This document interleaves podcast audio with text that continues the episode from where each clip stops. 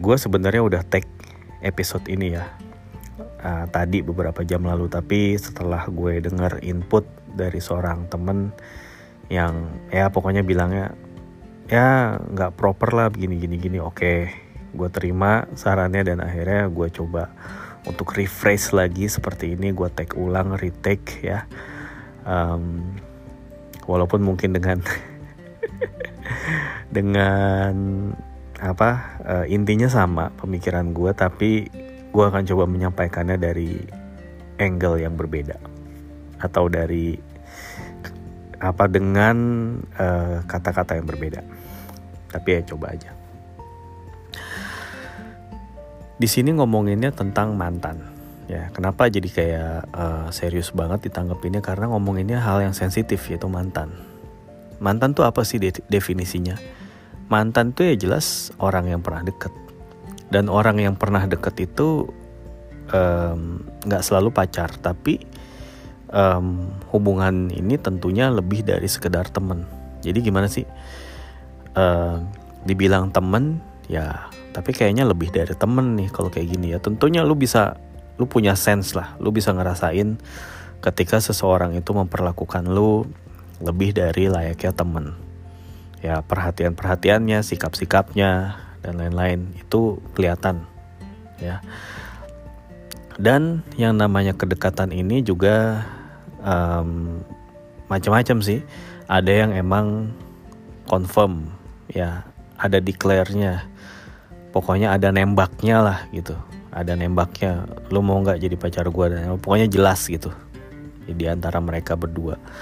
Tapi ada juga yang uh, jenis hubungan kayak gini deket gitu ya. Tapi nggak pernah ada uh, kejelasan status. Jadi kayak cuman dekat aja gitu ya.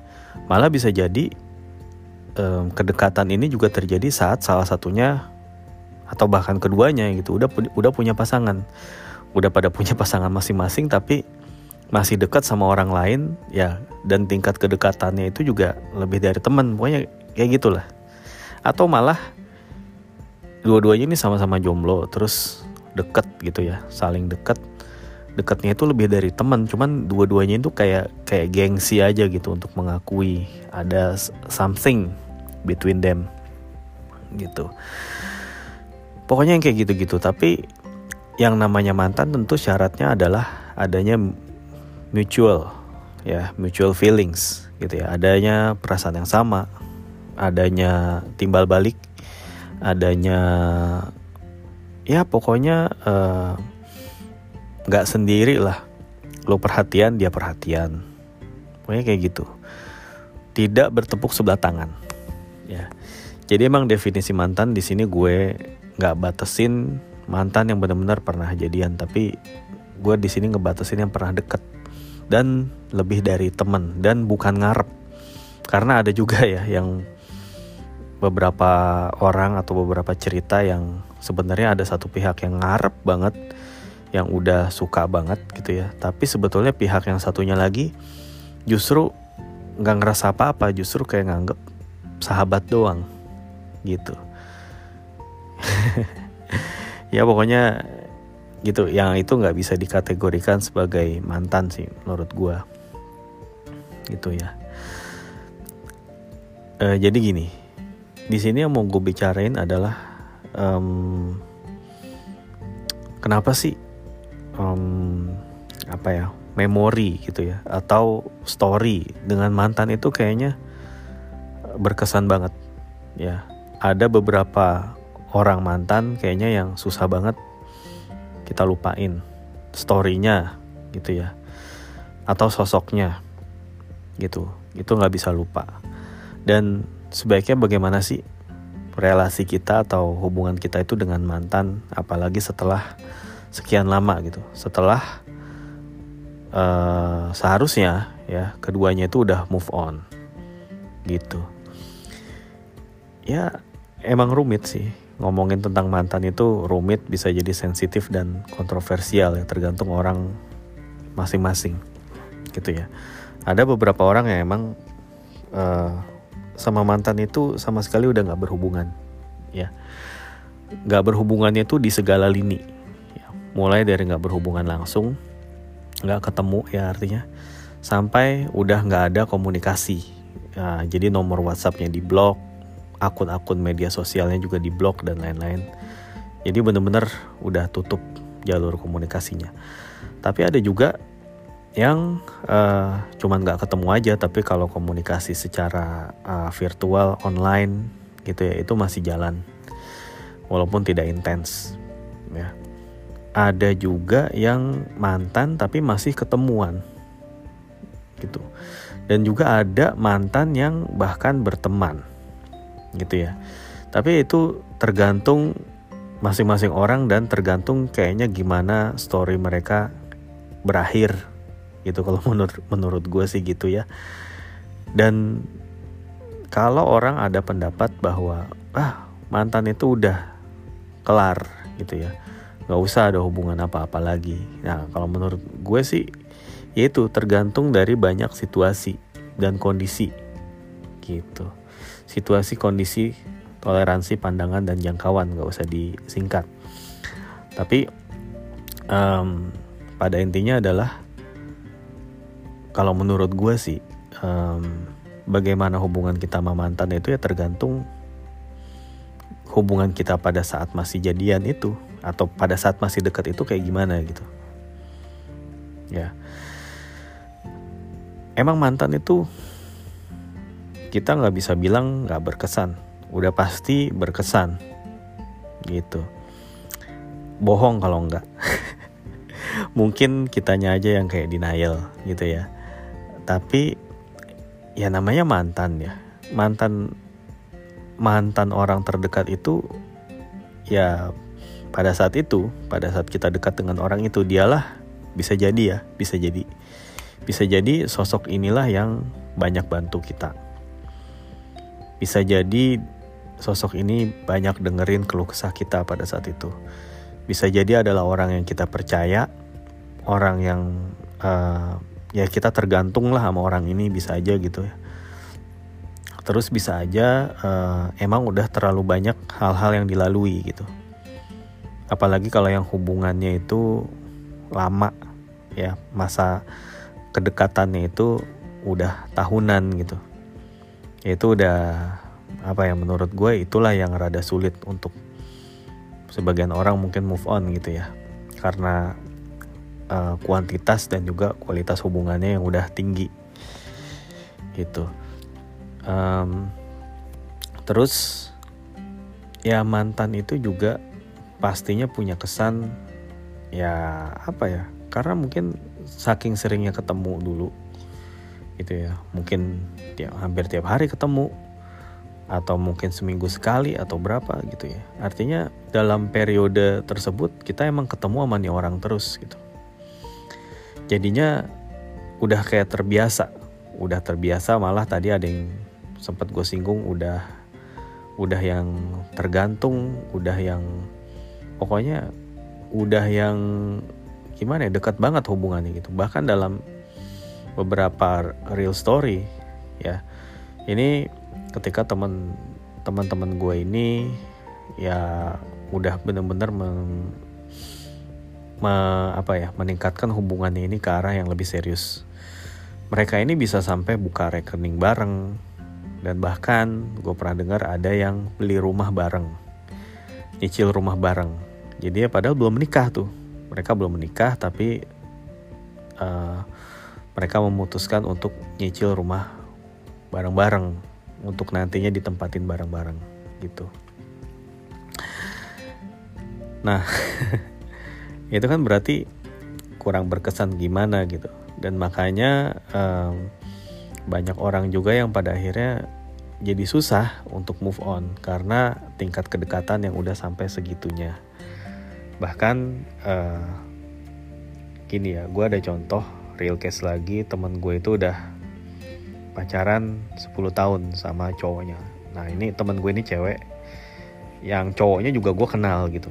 Dua-duanya gue kenal lah mereka pacaran 10 tahun dari mulai uh, awal masuk kuliah sampai terus lulus kuliah masih pacaran terus sampai kerja bahkan sampai di di jenjang udah pada kerja dua-duanya masih pacaran. Itu malah si cowoknya itu udah ikut yang mudik ikut acara-acara keluarga si cewek ini gitu. Jadi udah udah kayak dianggap keluarga gitu udah mudik udah ya makanya ya gimana sih kalau lu udah ikut mudik udah kayak yang dikenalin ke keluarga besar gitu itu kan kayaknya udah yang selangkah lagi lah gitu. Pasti kan ditanya-tanya kapan kapan kapan? gitu kan. Dari om tante pak de bude gitu udah ditanya kayak gitu kan. Eh tapi hubungan yang udah sedekat itu pun ternyata putus. Ya udah pacarannya lama terus apa namanya udah sampai dibawa ke keluarga besar dan lain-lain tiba-tiba putus. Ya. Agak susah buat temen gue ini untuk move on karena sakitnya itu. Gue paham sih sakitnya itu gue juga ikut dicurhatin segala macem. Gini gini gini gini iya iya iya. Terus gue cuman kayak bilang ya udahlah mau gimana lagi nggak jodoh gitu. Ya emang uh, berarti dianya nggak pantas lah buat lu. Ya gitulah biasa gue kasih saran ke temen. Tapi kemudian uh, singkat cerita lagi dia akhirnya um, move on. Dia pacaran lagi sama cowok lain. Dan si cowok barunya ini ngasih syarat gitu. Dia bilang gini eh, gue pengen serius sama lo tapi syaratnya lo harus putusin semua komunikasi lo sama dia sama mantannya itu Nah, akhirnya ya udah diputusin semua pertemanan di Facebook. pertemanan di media sosial mana aja lah gitu. Ya kebetulan kan uh, eh, FBers teman-teman gue, dua teman gue ini ya pengguna FB lah ya. Yang cowoknya itu suka suka banget update status di FB gitu. Akhirnya diputus hubungannya. Terus habis itu um, apa ya nomornya mungkin masih nyimpan ya karena mereka ternyata mereka tuh satu kantor dan itu tidak mungkin untuk bener-bener yang putus banget gitu karena somehow mereka juga uh, pasti berurusan gitu ya berurusan urusan pekerjaan gitu. Tapi ya gitu udah bener-bener yang kayak hilang aja. Si cowoknya juga akhirnya nikah sama cewek lain gitu. Dan gue ngelihatnya rada miris sih. Men gila lu lu ngebuang waktu 10 tahun. Tapi ya sebetulnya nggak ada yang percuma. Itu pasti segala sesuatu itu ada hikmahnya. Itu kan kata penonton film Indonesia karena penonton film Indonesia itu selalu nyari kalau nonton film pesan moralnya itu apa bang? Hmm. ya nonton film aja nyari pesan moral apalagi hubungan pacaran yang udah bertahun-tahun ya enggak ya anyway seperti itu teman-teman gue gitu ya. Begitu juga teman gue yang lain ada yang uh, apa namanya kalau menurut gue sih ya pernah kayak dapat durian runtuh gitu. Pernah nggak sih lu kayak denger atau menyaksikan temen lu itu misalnya ya lu punya temen nongkrong yang lu tahu banget lah orangnya kayak gimana. Tiba-tiba dia dapat pasangan yang wah oke okay banget gitu. Yang yang lo jujur ngomong aja nih ya. Ya pokoknya kelasnya tuh di atas dia gitu. Kayak yang wah lo menang banyak lo dapetin dia gitu. Kayak misalnya temen lo tuh orangnya biasa-biasa aja nggak punya prestasi apa-apa atau nggak punya kebisaan gimana-gimana tiba-tiba punya dapet cewek yang cantik banget tuh cewek pinter talented segala macem gitu. Sampai ya orang-orang yang bisa ditebak banyak yang ngomong kok dia mau sih sama lu? gitu. Itu kan. Lu pasti ada gitu. Dan mungkin bisa jadi diri lu sendiri juga ada kali ya digituin sama orang ih kok sih ini mau sama ini? gitu bisa bisa banget kayak gitu gue tahu ya. Nah uh, pokoknya temen gue itu pernah pacaran sama dia pernah dapat tipikal cewek yang seperti itu gitu. Cewek cewek idaman lah dia dapetin tuh. Dia pacaran berbulan-bulan tapi terus akhirnya diputusin sama tuh cewek. Terus buat yang yang pada julid-julid itu pada ngeledekin biasa wah bagus. Akhirnya sadar juga tuh cewek. Ya gitu. Um, apa namanya uh, nah terus si ceweknya ini gitu ya setelah udah putus sama teman gue itu itu cewek tuh kayak nggak mau kenal sama dia gitu. Sama teman gue itu. Hah? sampai teman gue yang cowok ini sampai yang kayaknya patah hati banget emang gue salah apa sih? Emang gue gimana gimana? Emang gue kurang bagaimana? Gitu gitu tapi si ceweknya ini kayak yang udah nggak mau kenal move on dan bener-bener udah pergi aja udah. Gitu kayak yang jadi kesannya kayak yang nyesel gitu. Ih ngapain ya gue pacaran sama dia? Gitu kayak gitu. Gitu paham gak sih? Atau ada juga gue pernah punya teman kantor yang ya kita juga tahu lah ya cowok nih ya kita tahu orangnya kayak gimana gitu ya. Tiba-tiba dia itu ngasih undangan. Ternyata dia itu nikah ya sama salah satu cewek juga di kantor gitu ya masih sekantor juga. Tapi itu cewek termasuk yang primadona juga lah di kantor gitu.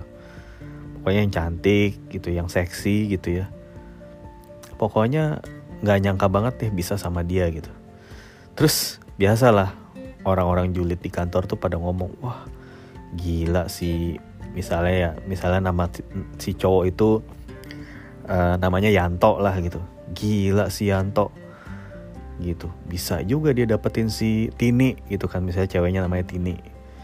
Bisa juga dia dapetin Tini padahal si Tini itu yang ngejar bukan cuma Yanto loh.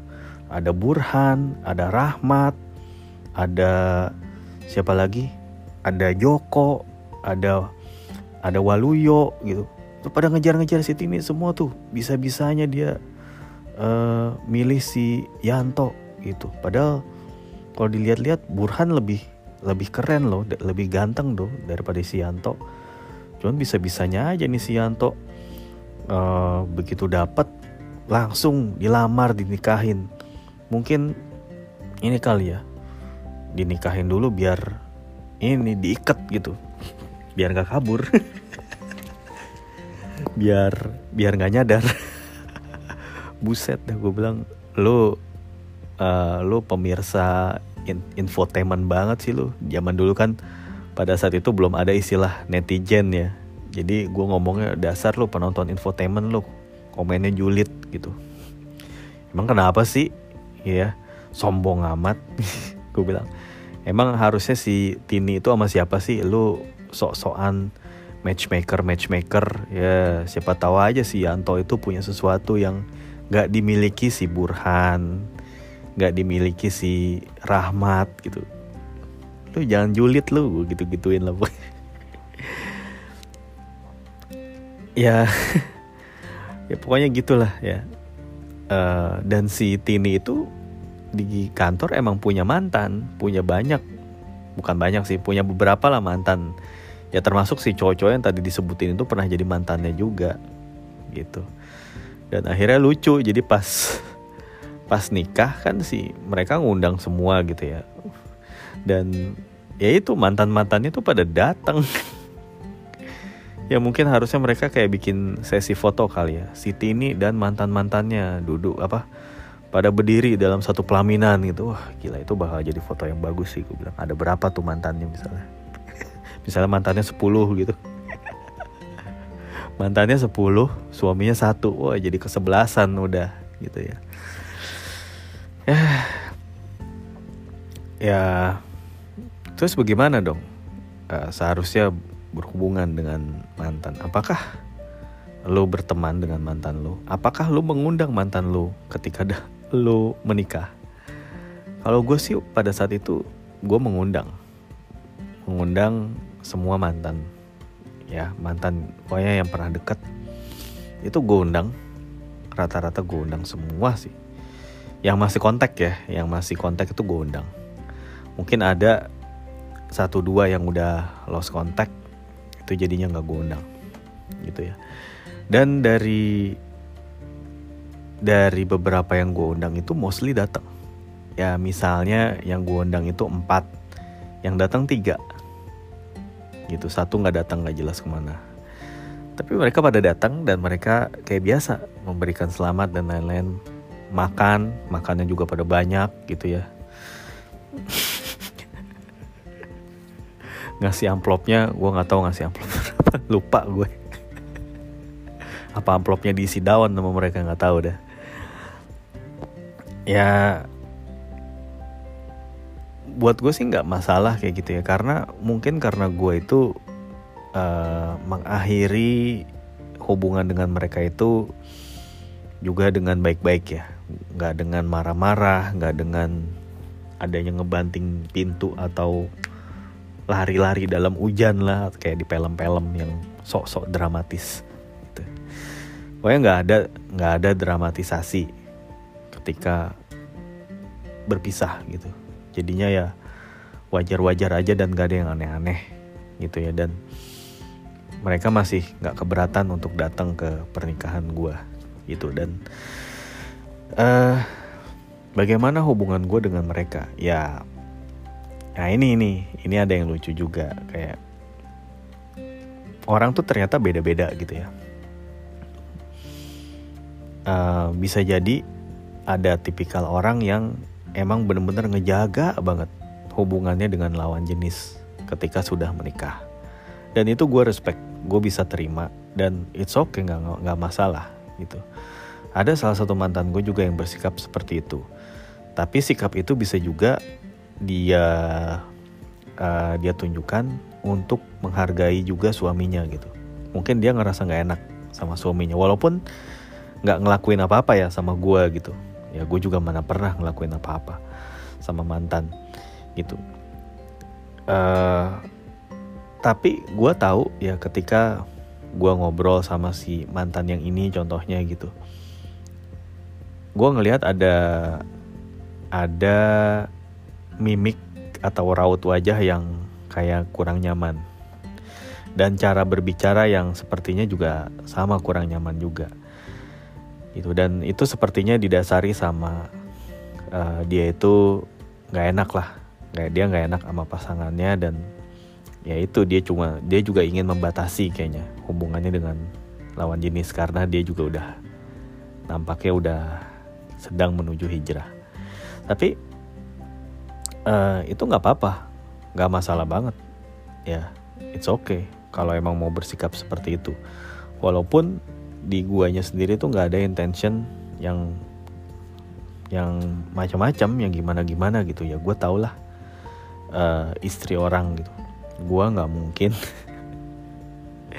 gue nggak mungkin uh, bertingkah aneh-aneh berbuat macam-macam dengan istri orang. Karena ya itu ada konsekuensi hukumnya. Yang itu udah clear, udah jelas. Ya baik dari sisi hukum atau agama itu ya Allah itu itu haram banget lah.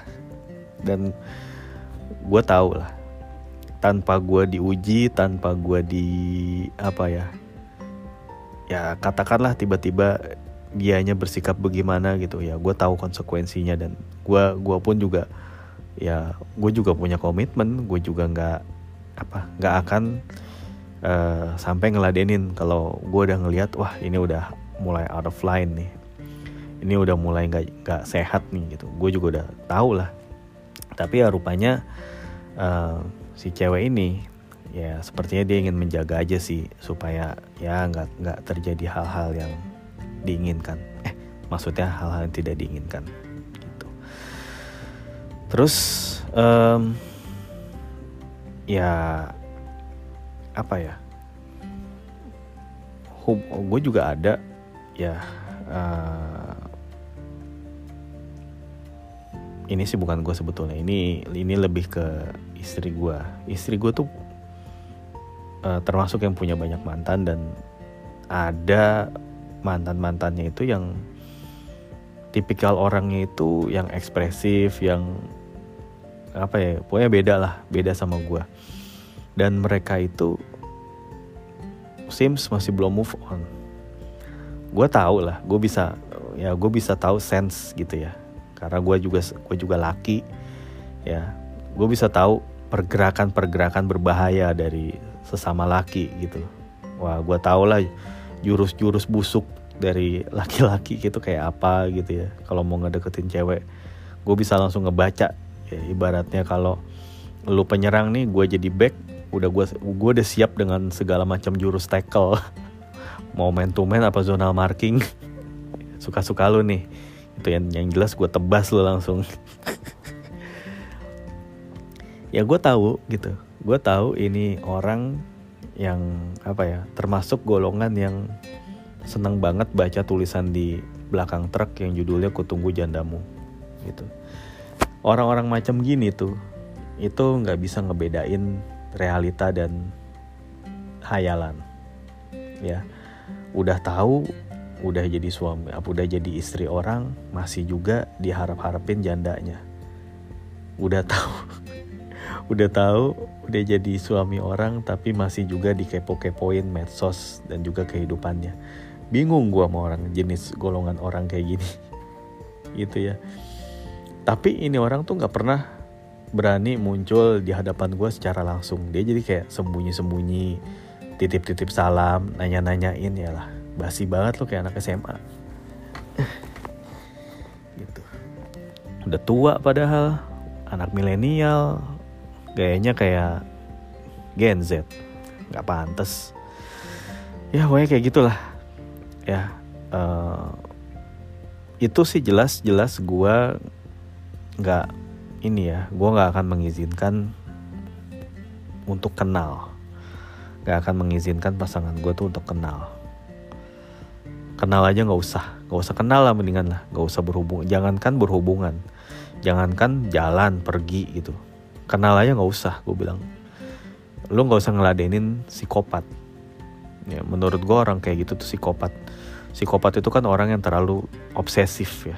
Terlalu terobsesi sama sesuatu yang sebetulnya itu udah bukan miliknya gitu. Lu nggak bisa memiliki itu tapi lu lu masih tetap kayak berharap gitu ya makanya itu muncul tulisan-tulisan kayak kutunggu jandamu gitu ya.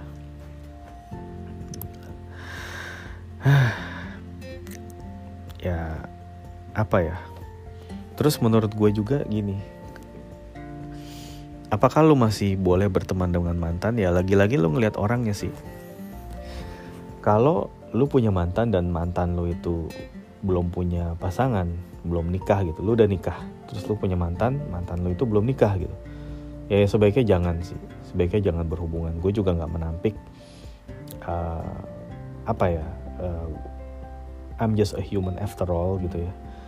Uh, ya misalnya ketika ketemu gitu sama jenis mantan yang ini gitu ya, yang dianya belum nikah gitu gue guanya udah nikah tapi dia udah dia belum nikah ya kan dianya juga jadinya nothing tulus ke gue nothing tulus sementara gue gue justru ada beban gitu.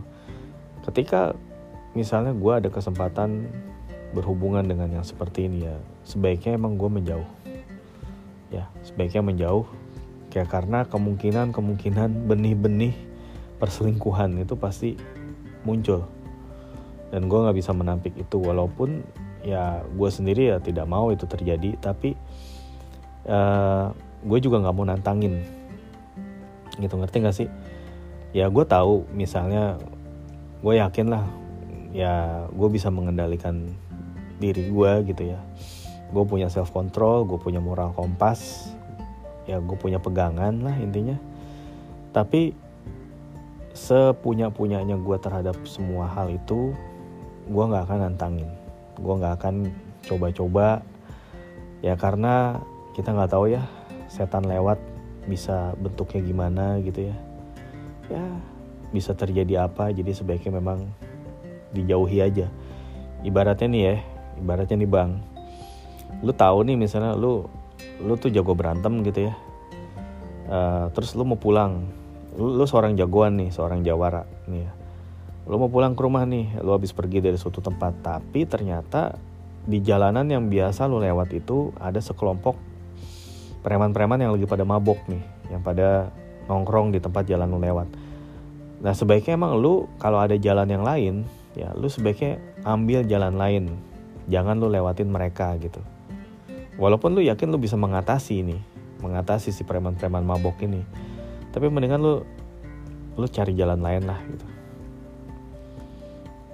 Karena misalnya lu ladenin tuh preman-preman ya bisa jadi akan beneran ribut bisa jadi lu ya kalau lu menang kalau lu kalah gitu ya. Kalau lu dipukul pakai botol pala lu pecah kan nggak lucu. Jadi konyol gitu. Ya maksudnya begitu. Anggap aja itu lu ngadepin preman. Ya anggap aja lu di jalan ketemu preman ya lu hindarin aja gitu. Daripada lu ladenin gitu ya. Terus um, apalagi ya nah itu kan tadi kalau belum ya sikap kalau uh, dengan mantan yang belum move on yang tadi pertama jangan kenal. Lebih baik nggak usah kenal dan nggak usah berhubungan sama sekali. Terus sama mantan yang dia belum punya pasangan sebaiknya lu juga batasi sebisa mungkin berkomunikasi. Nah gimana dengan mantan yang uh, udah pada punya pasangan ya sebaiknya lu juga batasi komunikasi juga. Dan bahkan mungkin nggak usah. Nggak usah berkomunikasi juga sama mantan yang udah punya pasangan. Karena lu juga harus respect ke pasangannya. Gitu lu jangan cari gara-gara dengan pernikahan orang gitu ya. Dengan apa ya jangan coba-coba merusak hubungan pernikahan orang. Karena pernikahan itu kan itu janji yang suci kepada Tuhan dan juga uh, itu udah sah secara hukum. Jadi ketika lu berupaya untuk merusaknya lu akan berhadapan dengan hukum hukum di negara dan hukum agama. Itu konsekuensinya sangat berat. Ya walaupun lu nggak ada niat gitu ya lu nggak ada niat tapi sebaiknya ya apalagi ketika salah satu pihak itu udah merasa tidak nyaman untuk berkomunikasi sama lu ya udah jangan terusin. Ya. Oh ya udah gitu ya jangan suka ngada-ngadain tadi gue juga sempat ngomong nih di tag yang sebelumnya.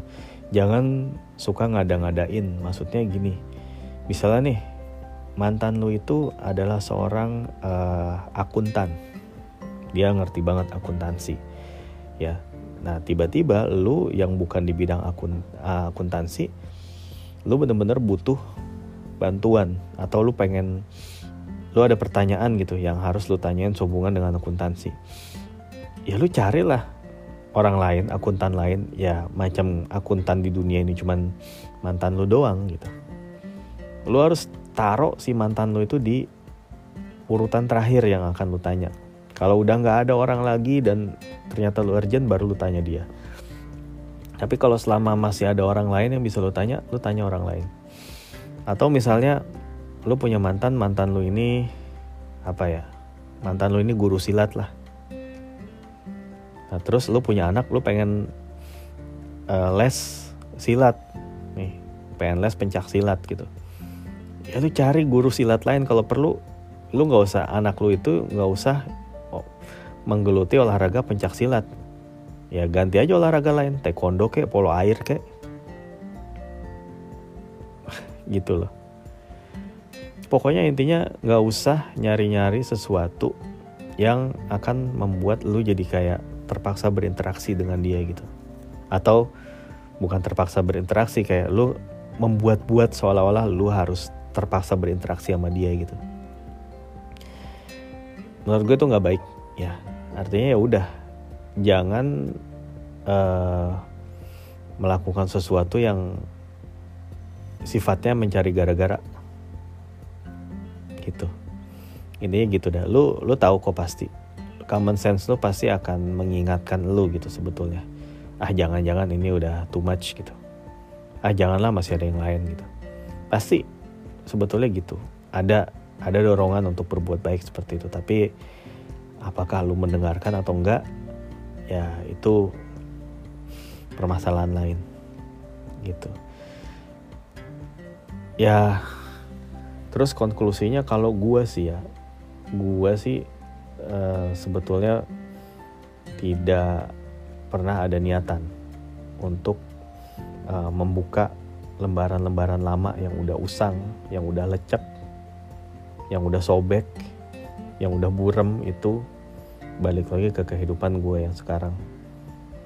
Anggap aja gini deh gue dulu punya konsol game Super Nintendo. Pada saat gue masih anak-anak pada saat gue masih mainin itu game gue seneng banget itu game. Sampai-sampai gue mainin sampai pagi. Sekarang zaman sekarang banyak banget yang jual mesin konsol game Super Nintendo. Gue tertarik untuk beli pengen nostalgia. Dan akhirnya gue nyoba gue beli gue nostalgia lagi gue mainin. Gue begitu terngiang begitu seneng dengar suara-suaranya gitu. Gue seneng ngeliat gambarnya ya tapi ternyata pas gue mainin itu Super Nintendo gue mainin lama lama-lama ya gue bosen. Kenapa?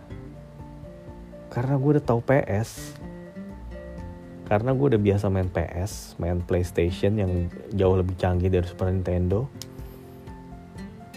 Ya. Gue udah bisa gue udah biasa ngeliat konsol game yang gambarnya lebih bagus. Ya dan pada akhirnya pertemuan gue dengan Super Nintendo itu ya nggak lebih dari sekedar nostalgia doang kayak untuk membangkitkan kenangan lama yang akhirnya sebetulnya nggak perlu gitu. Yang ada malah si Super Nintendo itu buat gue itu jadi sampah di rumah gue jadi apa? Jadi gue nggak pernah mainin lagi akhirnya gue simpen di gudang. Gue taruh di gudang. Ya emang orang itu seneng gitu ya nostalgia gitu. Kolektif soul saja pernah bilang gitu now in this world of purchase I wanna buy back memories. Pengen ngebeli kenangan terutama kenangan dengan mantan ya. Seperti halnya menu kopi kenangan tuh kopi kenangan mantan yang konon katanya tuh best seller gitu ya.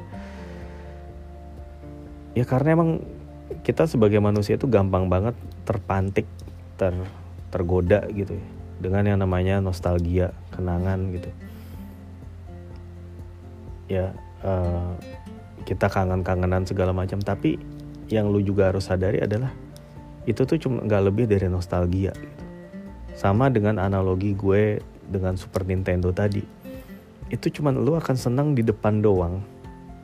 Lu akan senang oh iya lu gue pernah dulu gue sama dia pernah gini gini gini. Tapi ketika lu jalanin misalnya, lu paksain, lu jalanin, lu akan menemukan bahwa sebetulnya lu tuh nggak kompatibel gitu. Ada alasan khusus kenapa lu tuh nggak berjodoh adalah karena memang lu nggak kompatibel gitu. Lu nggak kompatibel each other. Ya deal with it. Ya terima aja dengan kenyataan seperti itu. Emang kalian itu nggak dijodohkan karena satu dan lain hal yang mungkin kalian nggak tahu. Tapi kemudian waktu bisa aja menjawab, oh ternyata karena ini gue nggak jodoh sama dia. Dan itu bisa jadi butuh puluhan tahun untuk menyadari gitu. Saat lu udah bisa mikir bener, saat lu bisa udah bisa objektif terhadap diri lu sendiri, baru lu baru kemudian lu oh iya ya, untung dulu gue nggak sama dia gitu. Bisa jadi akan muncul kayak gitu. Lain cerita kalau misalnya lu misalnya ketemu mantan lu lagi nih ini juga banyak kejadian nih. Ya misalnya nauzubillah min zalik ya amit-amit gitu. Ini gue juga gak suka kayak gini gitu. Misalnya lu punya pernikahan pernikahan lu gagal gitu. Atau ya pokoknya lu berpisah lah karena satu dan lain hal sama pasangan lu sama suami atau istri. Tiba-tiba ketemu lagi dengan mantan. Dan akhirnya karena dua-duanya itu sama-sama kesepian sendiri jomblo gitu ya udah nggak lagi sama pasangannya secara legal secara de facto atau de jure. Ya udah akhirnya jadian lagi. Itu itu banyak gue denger cerita kayak gitu. Oh misalnya gitu ya tante ini gitu ya gue denger gitu. Tante ini umurnya udah 50-an gitu uh, suaminya meninggal gitu misalnya. Eh abis itu dia ketemu lagi sama mantannya ya ketemu sama mantannya akhirnya mantannya juga ternyata udah nggak sama istrinya dan akhirnya mereka nikah gitu. Mereka nikah pada akhirnya. Ya emang bisa seperti itu tapi itu tuh semua bisa terjadi kalau dua-duanya itu jomblo gitu. Kalau ada salah satu yang masih berpasangan atau dua-duanya masih berpasangan emang sebaiknya lu hindarin pertemuan-pertemuan itu lu jauhin segala bentuk komunikasi gitu. Nggak perlu memang gitu. Malah ada beberapa teman gue juga yang bener-bener saklek kalau soal mantan yang mantan is mantan gitu. Nggak ada lagi udah gue nggak akan nggak akan balik. Jadi once gue udah berjalan bergerak ke depan gue nggak akan nengok lagi ke belakang. Gitu ya ya bagus kalau punya prinsip seperti itu.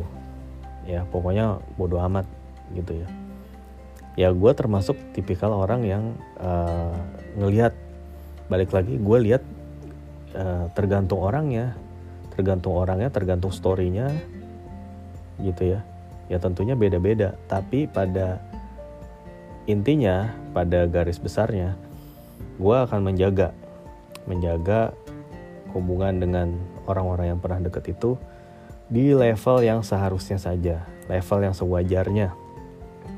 Gitu.